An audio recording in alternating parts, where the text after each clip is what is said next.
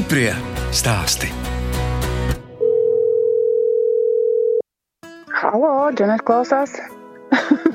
Tie pilsētnieki jau tagad tikai sāk novērtēt, ka laukos tomēr ir vairāk telpas, vairāk gaisa. Tagad jau iespēju ir vēl vairāk, ir taču attālināts darbs. Ja tu strādā pie datora, tad kāpēc tu nevari darīt attālināti? Tādu darbu jau tagad ir ļoti daudz, bet labāk jau dzīvos tie, kas paši spēs izdomāt, ko darīt un darīt paši. Tā saka brīvdienu mājas ūši un kempinga īpašniece Dženita Marīnska no Dundagas novada Kolkas pagasta. Es, žurnāliste Daina Zalamane, šoreiz tikos ar uzņēmēju, kas dzimusi Kolkā, tad izmācījās par trikotāžas apģērbu modelētāju un 20 gadus nodzīvoja Rīgā. Vēlāk atgriezās kurzemē un dzimtas īpašumā, kilometra attālumā no Kolkas raga, izveidoja brīvdienu māju un kempingu. Ar Džanetu Marīnsku, lībiešu pēcteci, tikāmies pirms septiņiem gadiem. Paši jau neapdzīvojām arī visu māju. Tā visos laikos ir bijis arī tad, kad vecā māma, kā teica, bija īrnieka. Arī. Cik jums ir istabas? Kopā jau ir daudz, vismaz septiņas istabas. Un labierīcības iebūvējām. Nu, nu, viena daļa jau tēvs izdarīja vecā mājā.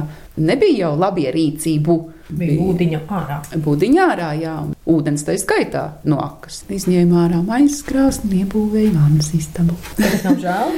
nu, nav citas iespējas. Un, un arī šeit viesu galā tas koridors bijis tik plats. Ka viņā varēja iebūvēt labierīcības. Sākumā jau nebija tik daudz to viesu, līdzekļu nepietika, lai visu cauru gadu no tā vien dzīvotu. Un tad jau vajadzēja kādu citu darbiņu skatīties. Un tad man Rīgā parasti kaut kas atradās, ko darīt pa ziemu. Un tad es vēl Valmjerā, Vidzemes augstskolā, turismu mācījos. Ļoti apmierināta ar mācību procesu, un, un, un vidi un kursa biedriem. Tagad es mācos kultūras akadēmijā, muzeja un kultūras mantojums. Bet tas tiešām man ļoti patīk, jo nu, man neviens nevar aizdzīt mācīties. Jā. Es nestrādāju nevienam darba devējam, kurš varētu vēlēties no manis labāku izglītību un zināšanas. Es strādāju pati sev un pats tev arī mācos. Bet, nu, protams, ka man to visu ir kur pielietot dzīvē. Turismā noteikti tas deva lielāku saprāšanu par tām lietām un arī to pasaules skatījumu. Dženetai vaicāju, kas turistus piesaista kolkai? Jūra, koksraks, klusums miers un jūra, protams. Katrs atbrauc savu telti. Cits tikai vienu nakti vai divas, bet dzīvo arī nedēļu. Lietuvieši ir labi aprīkojušies, viņiem līdzi ir vesela māja, dzīvoklis, veranda. Viņi ir pie jūras, viņiem nevajag to ļoti augsto komfortu. Puse ir ārzemnieki. Un puse ir Latvijas iedzīvotāji. Nu, Latvijas iedzīvotāji aizpilda nedēļas nogales. Tad, kad Rīgā ir ļoti karsts, tad viņi brauc ārā jo tālāk, jo labāk. kur svaigāks gaiss, un tad kempingā, protams, ir liels apmeklējums. Bet no nu, ārzemnieku vācieši viņu nācija ir 70 eh, miljoni. Pieprasījums tiešām ir ļoti augsts vasaras vidū, jūlijas un augusta divas pirmās nedēļas. Un tad tā lēnām atslābst. Arī šobrīd vēl ir eh, aktivitātes. Ja šorīt izbrauca divi somi, kas šeit pavadīja divas naktis un putnus vēroja. Un pirms tam bija ģimenes atpūsties. Tā tas ir. Mēs to nevaram daudz izmainīt, jo jūlijas ir tas mēnesis Latvijā, kad ir vislabākie laika apstākļi. Man jau tas jūlijas ir palicis par tādu nu, smagu eh, darba laiku. Jūs priecātos par vairāk viesiem augustā? Eh, jā, bet nu, tas sadalījums tāds ir un eh, daudz viņu izmainīt nevarēs. Tāpat kempings, ja nu, viņš jau nedarbosies oktobrī vai novembrī. Dženeta Marīnska turistus cienā ar kurzemnieku ēdieniem, bukstiņbiesputru un sklandraušiem. Cilvēki brauc uz kādu novadu, arī latvieši. Viņi vēlas tā novada garšu sajust. Bet 40 cilvēkiem veselam autobusam uztaisīt. Nav grūti. Mēs jau esam piešaušies, mums ir katram savu pienākumu. Tad ģimenes locekļi arī tiek iesaistīti un palīgi, palīdz. jā, palīgi pusdienu gatavošanā, lai tur viss būtu laikā. Nu, ir, ir mums daudz ēdāji. Ne tikai nedēļas nogalēs, vasaras sezonā jau dažādās dienās brauc. Tīvu pensionāri, ģimenes. Jūs esat saņēmusi kultūras zīmi Latviskais mantojums. Jā, tas latviskais mantojums ir par sklandraušu cepšanu. Es viesiem rādu, stāstu, gatavoju ar viņiem kopā tieši par sklandraušu cepšanu. Šīs tradīcijas kopšana lauku turismā. Cik ilgu laiku tas aizņem tās kundraušu cepšana? Diezgan ilgi taču. Nu, gatavošana ir eh, darbietilpīgs process, bet nu, es jau tagad esmu piešāvusies un sadalu tos darbus uz divām dienām. Vienā dienā vāru dārzeņus, otrā dienā cepu. Jau gatavs raušs, ka 40 ir jāizcep no rīta, tad ir ko darīt. Bet nu, tagad arī ģimenes, kas grib pašas jau darboties līdzi, un mēs arī šeit, šajā virtuvē to darām, jo tur ir malkas, līdz un cepeškrāsnes. Kad zvanu Dženitai Marīnskai, viņa palapojas, ka šoziem ūšos uzcelta jauna brīvdienu māja, kam dots nosaukums Piedāgi ūši. Abiem vārdiem ir lībiešu izcēlesme. Piedāgi raksturo māju, kas atrodas priežu ielokā, bet ūši apliecina piederību sētai un īpašumam. Tas bija, protams, ilgāku gadu plāns, bet tā realizācija tieši sakrita ar eh, Covid pandēmijas sākumu.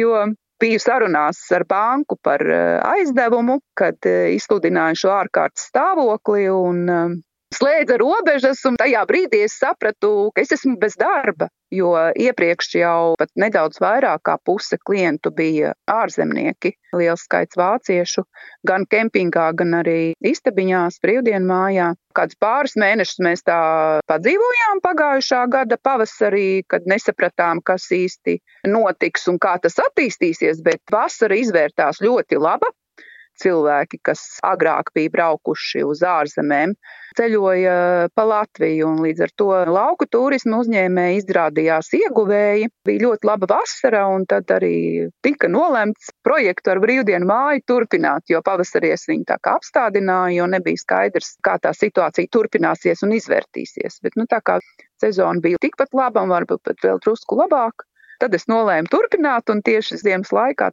arī notika būvniecība. Burtiski pagājušā nedēļā nodevām eksploatācijā ēku, un, protams, ar Eiropas fondu līderu programmas līdzfinansējumu. Bez tā nebūtu tas iespējams. Altuma kredīts, bet tur tomēr tie nosacījumi ir tādi pretīm nākoši ir šī iestāde, jo nu, viņu mērķis ir attīstīt uzņēmējdarbību Latvijā. Līdz ar to ir labi nosacījumi un uzticēšanās man kā projekta realizētājam un kredīts uz 13 gadiem. Domāju, ka varēs to kredītu ātrāk atdot nekā domāts iepriekš. Septiņas gultas vietas, plus vēl kādas papildus vietas būs iespējams pievienot, bet ir paliela virtuve atpūtas telpa un īpaši piemērota pārgājienu turistiem ir telpa un iekārtas, kur viņi varēs žāvēt savas slapjās drēbes un apaus žāvēt un mazgāt drēbes, ja būs nepieciešams. Un tāpat sasildīties pirtī, pagatavot vakariņas un baudīt dabu. Teritorija mums ir paliela, 4,5 hektāri, tā kā vietas pietiks viesiem un vēl arī vēl kādai mājiņai. Nu, līdz jūrai ir pārsimts metri. Pa logu arī var redzēt tādu jūras maliņu caur priedēm. Tiem, kas gulēs e, austrumu pusē, istabā ar lielo logu, tiem būs skaisti saulēkti. Vakar Facebookā paziņoju par jaunās mājas būvniecības pabeigšanu un nāk jau tik daudz pieprasījumu, bet vēl jau nav līdz galam iekārtots. Tā kā vēl ir daži iekārtošanas darbi nelieli jāveic, bet pieprasījums jau ir tiešām. Tā kā jā, noteikti sociālie tīkli palīdz. Jo nu arī pavasaris un vasara tuvojās, un cilvēki jau domā par vasaras brīvdienām. Es domāju, ka ceļošanas situācija būs līdzīga kā pagājušā gadā. Maz vai gandrīz nemaz nebrauks uz ārzemēm cilvēki un ceļos pa Latviju. Tagad jau var eh, braukt, bet ar tādiem nosacījumiem, ka īsti nav ieinteresēts turists. Līdz vasarai jau cerams būs drusku atvieglināta, būs liela daļa vakcinējušies cilvēki būs kādi īpaši nosacījumi Eiropas valstu starpā, ceļošanas nosacījumi. Cilvēku uz to cer, un vācieši jau pagājuši gadu bija daži, bet ļoti maz. Es domāju, ka viņi ir pēc mums noilgojušies. Kempingā pagājušā gadā uzliku tādu recepciju apvienojumā ar bodīti, kurā pārdodam uzkodas, kempinga viesiem arī kafiju, ko iepriekš nevarējām piedāvāt, jo mums nebija piemērotas telpas tam es esmu priecīga par bodīti. Jo kempingā esošajiem, lai viņiem nebūtu pēc katra mazākā sīkuma, pēc atspirdzinošiem dzērieniem, kafija, lai viņiem nebūtu jāskrien uz veikalu pēc visa tā, tad es to tagad piedāvāju. Piedāvāsim arī suvenīrus šovasar, savas vietas suvenīrus un sklandraušus, protams, jā, tie ir pieprasīti. daudz jācep, gribētāji ir daudz. Covid pandēmijas apstākļos dzīvojam. Kaut kādus pakalpojumus nevaram sniegt, nu, kā piemēram ēdināšanas pakalpojumus var tikai attālināti vai izsniedzot klientam eh, līdznešanai vai numuriņā. Nevaram apkalpot grupas, bet izmitināšanas pakalpojumi visu laiku ir pieejami. Nu, redzēs, kā tas būs šogad. Ģimenes, protams, un nelielas kompānijas tagad jau līdz desmit cilvēkiem var pulcēties, cik es saprotu, ārtelpā. Bet kempingā jau vēl īsti šobrīd darbība nenotiek, jo grādi ir pamaz laukā, bet cerams, ka uz vasaru jau būs arī kādas grupiņas nelielas. Arī šogad Kolkas pagasta ūšos jūlijā varēs doties izjādēs ar zirgiem. Armanda Lauka jātnieku klubs ir mūsu sadarbības partneris no Pierīgas, un viņi ir ieinteresēti vasaras vidū, jūlija mēnesī, šeit ar saviem zirgiem būt uz vietas un sniegt arī šos izjādes pakalpojumus. Un cilvēkiem patīk, un arī viesi, kas tagad dzīvos jaunajā brīvdienu mājā, zirgus redzēs pa savu logu, ganāmies pļavā. Skaisti taču, vai ne? Tas viens mēnesis vasaras vidū, pat cik tomēr arī vajag lielāku cilvēku plūsmu, lai būtu pietiekami klientu, tad tas vasaras vidus ir piemērots tam. Mēs arī piedāvājam velosipēdu nomu joprojām, jo apkārtnē ir daudz interesantu velo maršrutu. Var braukt vienu dienu, var braukt vairākas dienas. Ceļš, kas vies cauri lībiešu ciemiem, tas ir ļoti pateicīgs šāda veida atpūtai ar riteņiem, velobraucieniem. Mums tā tad ir jau slavenā jūrtaka, ko lauka ceļotājs izveidoja. Mēs esam jūras malā, tad viņi iet garām tieši mājas slieksnim, var teikt. Jūrtaka arī ir jau ieguvusi lielu popularitāti atpūtnieku vidū, un es domāju, ka tieši šī jūrtaka un vēl citi lauka ceļotāju maršruti veicina šo pārgājienu kustību Latvijā, jo nav jau jāsēž tikai kempingā pie uguns, kur uh, var iet kājām un skatīties mūsu skaisto zemi. Tas nav garlaicīgi, jo jūra, pirmkārt, viņa mainās, jūras krasts mainās, un otrkārt, mums ir tik dažāds jūras krasts, ja ik pēc 20 km mēs redzam kaut ko pilnīgi citu. Te ir akmeņi, te ir smilts, te ir uh, alas kā vidzemē, oļi, stāvkrasts, dažādi. Tas ir ļoti relaksējoši un Dažkārt jau pietrūkst tās eh, cilvēciskās komunikācijas. Ja kādreiz mēs braucām uz semināriem, konferencēm, un tad vienmēr sastopas savus paziņas un līdzgaitniekus un kolēģus, un tev ir interesanti aprunāties, tad tas ir tas, kas izpaliek tagad. No otras puses, mēs laukos esam ieguvēji ar šo attālināto pieeju, jo tik daudz, kur bija semināri un mācības, tiec līdz tai vietai tev visa diena aiziet, bet tie, kas tur Rīgā organizē to, viņi jau to nesaprot. Bet tagad tev pāris stundas dienā vajag, lai tu to savas mājas piedalītos seminārā. Bet izpaliek šī tiešā komunikācija, kas arī ir svarīga un vajadzīga. Bet citādi mums viss ir labi. Ziemas periodā jau tomēr laiks atrodas arī pastaigām līdz jūrai un dabā iedvesmo tas ir darīt to, kas patīk. Man patīk eh, izdomāt jaunus projektus. Nu, ar brīvdienu mājas būvniecību es bijusi nodarbināta visu šo ziemu. Viennozīmīgi tur daudz laika arī citam nekam nepalika, un vēl pēdējie iekārtošanas darbi un sezona jau ir pie durvīm. Saulīt spīd biežāk, laiks siltāks, visi jau grib atpūsties dabā mūžu garu, mazliet izturības. Es domāju, ka daudziem tā ir īpaši nepieciešama, jo, teiksim, ģimenēm ar bērniem, kur bērni mācās mājās un vecāks strādā mājās, ir diezgan traki šobrīd. Es varu iztēloties tiem izturību un, un mūžu garu. Gan mēs tiksim tam pāri, mīlēt Latviju, savu zemi. Stiprie stāsti!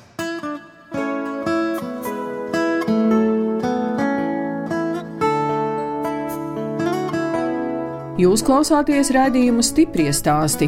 Radījuma turpinājumā sazināsimies ar Kitiju Dzērvi no pārgājas novada Straupes pagasta aizupēm.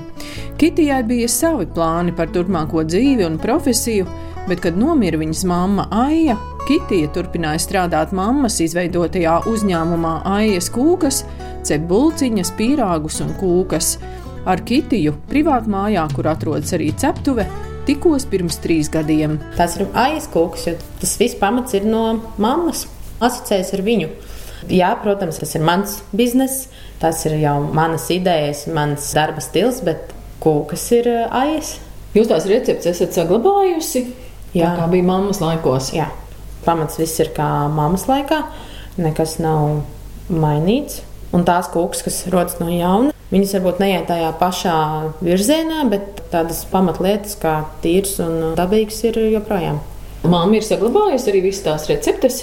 Uzrakstītā veidā, Jā, jūs... tas ir tādās grāmatās, un uh, es jau viņas kaut kad zināju no galvas. Tāpat bija jāapslīd un jāstrādā.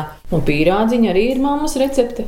Jā, mammas tā mīkla tiešām dara visam. Viespējamais tas jau, man liekas, ir tāds ļoti tradicionāls produkts, ko vienmēr ēd. Jā, ļoti klasiska viespējamais.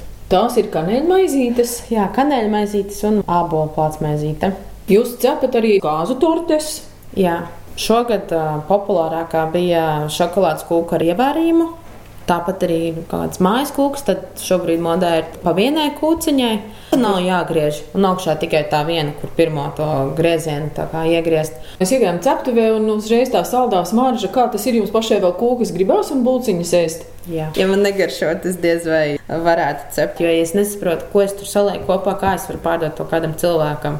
Tas viss notiek bieži vien visu sajūtām, jo tas biskvīts var būt kādreiz mazliet plānāks, kādreiz mazliet biezāks, un tas ir jāskatās. Katru dienu jums ir jānotestē, Nē. kas tur ir izcepies. Nē, pat ir tā, ka varbūt pat gribas katru dienu, bet tad es tev saku, bet tu taču zini, kā tas garšo. Citreiz gan, ja nav laika pāriest un ir iznāk siltie pīrāgi, vai arī lietas, ko mēs tā retāk cepam, Pūks varbūt tā mazāk ēda, bet tieši kāds pīrādziņš vai smalkmaizīte, kad viņi iznāk tie pīrādziņi silti ārā, man tie garšo vislabāk. Tāds trešās dienas pīrādziņš ēstu, kad es būtu kaut kur pārgājienā, un trešās dienas pīrādziņš arī būs ļoti garšīgs.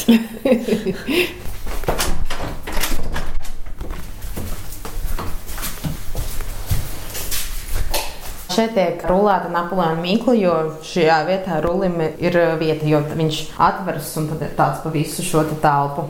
Šeit tiek arī parasti smērētas kūkas, garnētas. Kas te jums te vēl ir? Visādas sēkliņas. Jā, tās ir sēkliņas sēklu kliņģerīšiem un ķimeņa kliņģerīšiem. Tāpat arī kondensētais vārītais piens, to mēs paši izvāram. Rozīnes priekš piespiedu Jā, un dažādi rotājumi. Jā, rotājumi, dažādi augļu gabaliņi. Tur nav nevienam tās krāsvielas klāt. Šis ir galds, kur tiek rulētas mīklas, kur tiek veidoti visi auga mīklas izstrādājumi, krāsnes un otra krāsnes, lai gan viņa ir ļoti veca, vecāka kā es, bet izcepās tik labi, kā, piemēram, tajā, kas ir jaunāka. Tās ir abas elektriskās krāsnes. Jā. Jā, nu, papildus mikseri, arī lielais mikseris arī ir jau. Vai cik viņš liels? Jā, viņam ir tāds liels katls apakšā milzīgs. Tur tiek kults vārītais krēms un biskvīts. Un, ja kādreiz arī ir citu kūku, tā kā tās kārtas vajadzīgs lielāks, tad kuļam tur. Un, kad kūks ir gatavs un viss pārējais, tad šeit ir leduskapja telpa ar vairākiem plauktiem. Oi, tiešām vēsts. Jā. Cik tur jābūt grādiem? No diviem līdz sešiem grādiem jābūt. Jā. Ļoti ērti no rīta piecelies un esi darbā, un nekur nav jābrauc. Ir, protams, ērti, bet es arī gribu iet uz darbu. Jo tagad es vienkārši nonāku lejā un es esmu darbā, bet es domāju, ka tās lietas vajadzētu atdalīt. Es esmu strādājusi nu, arī bērnu dārzā, kur bija jābūt no tikiem līdz tikiem. Nē, esmu īsti tam domāta. Man patīk visu sakārtot pašai, bet es ļoti daudz plānoju uz priekšu. Es zinu, kad man ir tirdziņi, es zinu, kad man ir skola. Es jau to plānoju ļoti, ļoti laicīgi visu. Konditoram no vienas puses ir ļoti labs darbs, tāpēc, ka cilvēkiem ēst vajadzēs vienmēr. Pirks taču tās bulciņas un maizi. Tas trakākais, laikam, ir tas, ka tā lielā cepšana ir tiešām tajās nedēļas nogalēs, vai ne? Un tā tirgošana. Jā, bet es esmu jau pieradusi.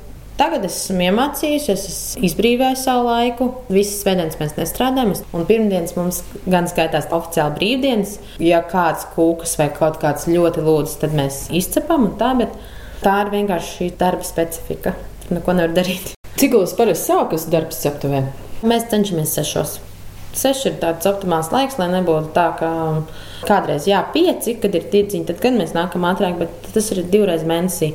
Bet tad seši ir tāds darba laiks. Jo tas, ko izcep, tas tajā pašā dienā tiek tirgots. Jā, tā. jā, tas ir galvenais arī, ka visam jābūt ir svaigam. Kad zvanu Kitijai, viņa stāsta, ka Covid dēļ šobrīd pieprasījums pēc konditorijas izstrādājumiem ir samazinājies, kopš decembra nestrādā arī tirdziņi. Jā, pērk mazāk, pasūta mazāk, jo nav vairs tik lielas tās svinības. Biežāk pasūta, ka vajag uzreiz gabaliņos, lai nav tā griešana, piemēram, lai katrs vienkārši var atnākt, paņemt, ieturēt uh, distanci. Tad kūks ir arī ir samazinājušās svaros, kilograms pusotrs tikai ģimenei. Kā jau ir šajā laikā. Protams, tie ir pasūtījumi uz vietas, straupas veikali mums ir plācī, tad arī cēsīs mēs vadām un arī uz Valmieru. Tirdziņi pavasarī nenotika. Visu vasaru bija līdz 1. decembra tirdziņam. Nu, tagad uh, plānots, ka tirdziņš būs šo svētdienu. Slowfood straupu tirgus notiek zirgu pastā. Es tā ļoti sevi šobrīd nesapriecinu, jo visu laiku ir sapriecējies, jā, ka varētu būt, vai ka situācija būs līdz kādam datumam, un tad viņu pagarina. Un tas vienkārši nav labi veselībai, ka visu laiku ir sapriecājies, un tad nogriezīs. Un tad es tā mierīgi es būšu priecīga, ka svētdienas vakarā, ja tirdziņš būs noticis un kūkas būs izpirktas. Un tas ir vislabākais variants, kad mēs paši saražojam un, un mums pašiem arī nopērk tiešā pirkšana caur mums nav starpnieka, nav tā uzcenojuma klāt. Un, uh, man kā plānotājai, kur man patīk zināt lietas, un es visu sarakstu, kas būs, tad uh, neziņu un maz bailes par nākotni, tad ir, jā, tas ir šobrīd, vai kāds pasūtīs, vai kāds šonadēļ svinēs. Šogad janvārī noslēdzās Kitijas piecu gadu ilgās studijas. Tagad viņai ir bakalaura grāts uzņēmēja darbībā. Ja rudenī bija aizlieguma Covid dēļ, tad viss prāts, protams, bija vairāk uz skolu, un es to tā neizjūtu. Un, kad janvārī beidzās gan liels tāds dzīves nozīmīgs posms, gan arī ir tie pasūtījumi mazāk, un tad grūtāks mazliet tāds periods sākās. Emocionāli es domāju, ko lai tagad dara, ko lai padomā. Es rakstīju par uh, mārketinga komunikācijas plānu izveidi Facebook vietnē savam uzņēmumam. Un tad bija plāns, ka es viņu sākšu tur aktīvi realizēt, bet šobrīd viņu vēl neesmu realizējis. Tieši tās neziņas dēļ, ka nav tādas lielākas deksmes uz to visu. Un es saprotu, ka viss ir jāpaņem mierīgi, kārtīgi jāsaplāno, jāizdomā, kā turpmāk uh, strādāt, kā attīstīties, ko mainīt. Tāds nostabilizēšanās periods, tā es to varētu nosaukt. Mūsdienās vispār visiem vajadzētu būt aktīviem Facebook. Pagaidām tās ir bijušas bildes atgādinājumi par to, ka ir tirdziņš bilžu formātā dažādas sortimenta publikācijas, kā daudziem, bet ir iespēja arī izcelt vairāk to, bet, piemēram, kā video, es vēlos parādīt to produktu izcelsmi, no kurienes mēs ņemam no vietējiem ražotājiem produktus un kā tur viss notiek. Pirmkārt, tā ir straupas pienotavas piena produkti, kas atrodas 300 metrus no aizkūkām. Tā ir straupas līgstas bio olas, kas ir um, kādi 7, 8 km no mums pašiem. Vasarās tā ir zemnieku saimniecība vaiciems, kur mēs ņemam uh, zemenes, vēlāk tās ir uh, melnas lielogu un rudenī jau tās ir avenas. Tad ir uh, otiņa medus, kas ir arī tepat no straupas, tepat no plāča vietējos, kuri ir tepat arī parādīt viņus un parādīt to, ka lielāko daļu tas produkts ir vietēji ražots. Uz šokolādi mums neviens Latvijā neražo un cukuru arī nē, bet uh, šādas lietas vietējās gribas parādīt. Tas ir tās slow food organizācijas pamats, ka izmantot vietējo kvalitatīvo produktu, kas ir ražots tepat. Un tā mēs arī darām. Un, protams, ka tas ir dārgāk, bet um, loģistiski tas ir daudz vieglāk, ka tas ir tepat. Un, pirmkārt, mēs viens otru atbalstām. Un, Tas ir uh, forši. Brīvdienās Kitija dzērve dodas pārgājienos pa Latviju. Es biju ar draugu un suni savu Robertu. Mēs ejam tos Latvijas izaicinājumus, kur um, katrā novadā ir trīs posmi, un Latvijā arī trīs. Un tā kā no straupas līdz Latgalē ir diezgan tālu, ko braukt, tad mēs vienkārši ņēmām divas dienas šos posmus iziet, un tad ir palicis viens vēl. Svētdien bija pierobežā 30 km, un tur bija nepieciešamas caurlaide, jeb atļauja par to, ka var uzturēties pie tās robežas un uh, skaisti pa Latgales dabu, pilnīgā mierā, klusumā. Ļoti reti kāda māja, kur cilvēki dzīvo, diezgan daudz, kur cilvēki vairs nedzīvo, un tas viss ir pamests, bet brīnišķīgs laiks, saulīt, nu, pilnīgs pavasaris. Šie posmi ir dažādi. Ir gan pa mežiem jāiet, gan pa purviem, pāri jātiek tādām ļoti mazām upītēm, bet viņas ir dziļas un uh, dubļainas. Tad sanāk kādi tīrumi, tad sanāk arī pilsēta vide jau pa centru. Interesanti un dažādi pa dažādām tādām vietām. Ir gan tā, ka kājas var palikt slapjas, var iegāzties kaut kur, ja pirms tam vēl, kad bija ledus, tad tur tāda viegla ledus kārtiņa, tad ir ļoti prātīgi jāliek kājas, lai tās paliktu sausas. Tā ir aplikācija, tur ir maršruts un tur ir karte iezīmēta, bet jāskatās, kur tu pats ej. Visu laiku gan ir jāizmanto šī aplikācija. Katrā posmā ir tādi trīs oranži putnu būrīši, kas ir atzīmēti. Un tad pie viņiem ir jāpiereģistrējas, jeb jāpiečekojas, ka tu tos būrīšus atradzi. Vidzemē, Baldonē bija posms un bija tūjas posms un Gaujienā mēs vēl gājām. Tā kā pārgājieni ir jāaiziet līdz jūnija beigām, tad gluži katru nedēļas nogali gan nesenāk. Skatāmies, kad mēs varam iet. Noteikti gribas iziet visus tos posmus, bet, protams, kad ir laiks un kad, kad varam tikt. Māma mantojumā Kitijai atstājusi arī daudzas puķu dobes. Puķu dobes joprojām ir, bet katru gadu cenšos kaut kā gudrāk, lai ziedētu, bet uh, man nebūtu tik daudz uh, laika tām jāvelta. Ir kaut kādas lietas, tādi krūmi sastādīti, to vēl neesmu izplānojis, bet es saprotu, ka pārgājienos un baudīt dabu gribas vairāk kā sēdēt puķu dobē. Lai gan šobrīd es pat nezinu, kā šī dzīve būs, jo, kā jau es teicu, parasti pavasaros bija jāraksta kursa darbi un jāpabeidz studiju gads. Šis ir pirmais gads, kad man vairs nav skola un būs daudz vairāk vai nu brīva laika vai laika, ko aizpildīt tātad citādāk, tad es īsti nezinu. Varbūt, ka es arī sēdēšu, bet es domāju, ka nē. Būšu apkārt kaut kur citur dabā. Aizaudzēt tā kā gluži negribas, bet tas ir gudrāk jāizveido. Pirms trim gadiem Kitija stāstīja, ka viņai ļoti patīk apmeklēt teātris, izrādes un koncertus. Tagad tā visa ļoti pietrūkst. Pagājušā gada sākumā man katru nedēļu gandrīz bija kāds koncerts, tāpēc esmu priecīga par to, ka es tad vēl paspēju. Un tā kā man nav televizors un ir tikai tas mazais datora ekrāns, tad uh, man ir grūti paskatīties arī teātrī, internetu vidē. Man vajag to miedarbības skatuvi starp aktieriem un sevi, un es ļoti, ļoti gaidu teātri atpakaļ. Es domāju, ka ļoti daudziem pietrūkst visi šie pasākumi, un es domāju, ka ies vēl vairāk kad es pirku biļetes, man bija noteikts laiks, cikos man ir jābūt uh, pie interneta. Es jau biju pirms tam izskatījis, kuras sēdvietas, kurš datums, lai tas ir ātri. Un es domāju, ka cilvēki novērtēs to, ka var iziet to sabiedrību. Tā kā arī es domāju, ka ies vēl vairāk. Ko es varētu novēlēt? Novērtēt to, kas jums ir, domāt arī brīvāk, atvērtāk, būt vienkārši saprotošam vienam pret otru, labestīgiem, to es varētu novēlēt. Un arī ne tikai pret cilvēkiem, bet arī pret uh, visiem dzīvniekiem un dabu, kas mums ir apkārt.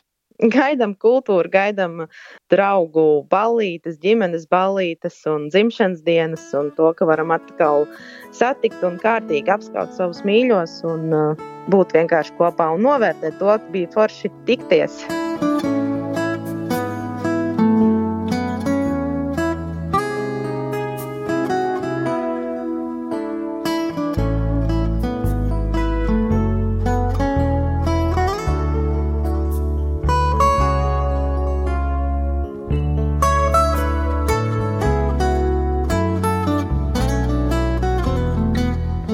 Redījums stiprie stāsti izskan. Šoreiz sazinājos ar konditorijas uzņēmuma AIS kūkas īpašnieci Kitiju Dzērvi, kas pārgājas novada straupes pagastā cep kūkas, pīrāgus un bulciņas, un Dženetu Marīnsku no Dundagas novada kolkas pagasta ūšiem, kas jūras krastā izveidojusi kempingu un šodien uzcēlusi arī jaunu brīvdienu māju. No jums atvedās žurnāliste Dāna Zalamane un operātore Inga Bēdelē. Uz tikšanos!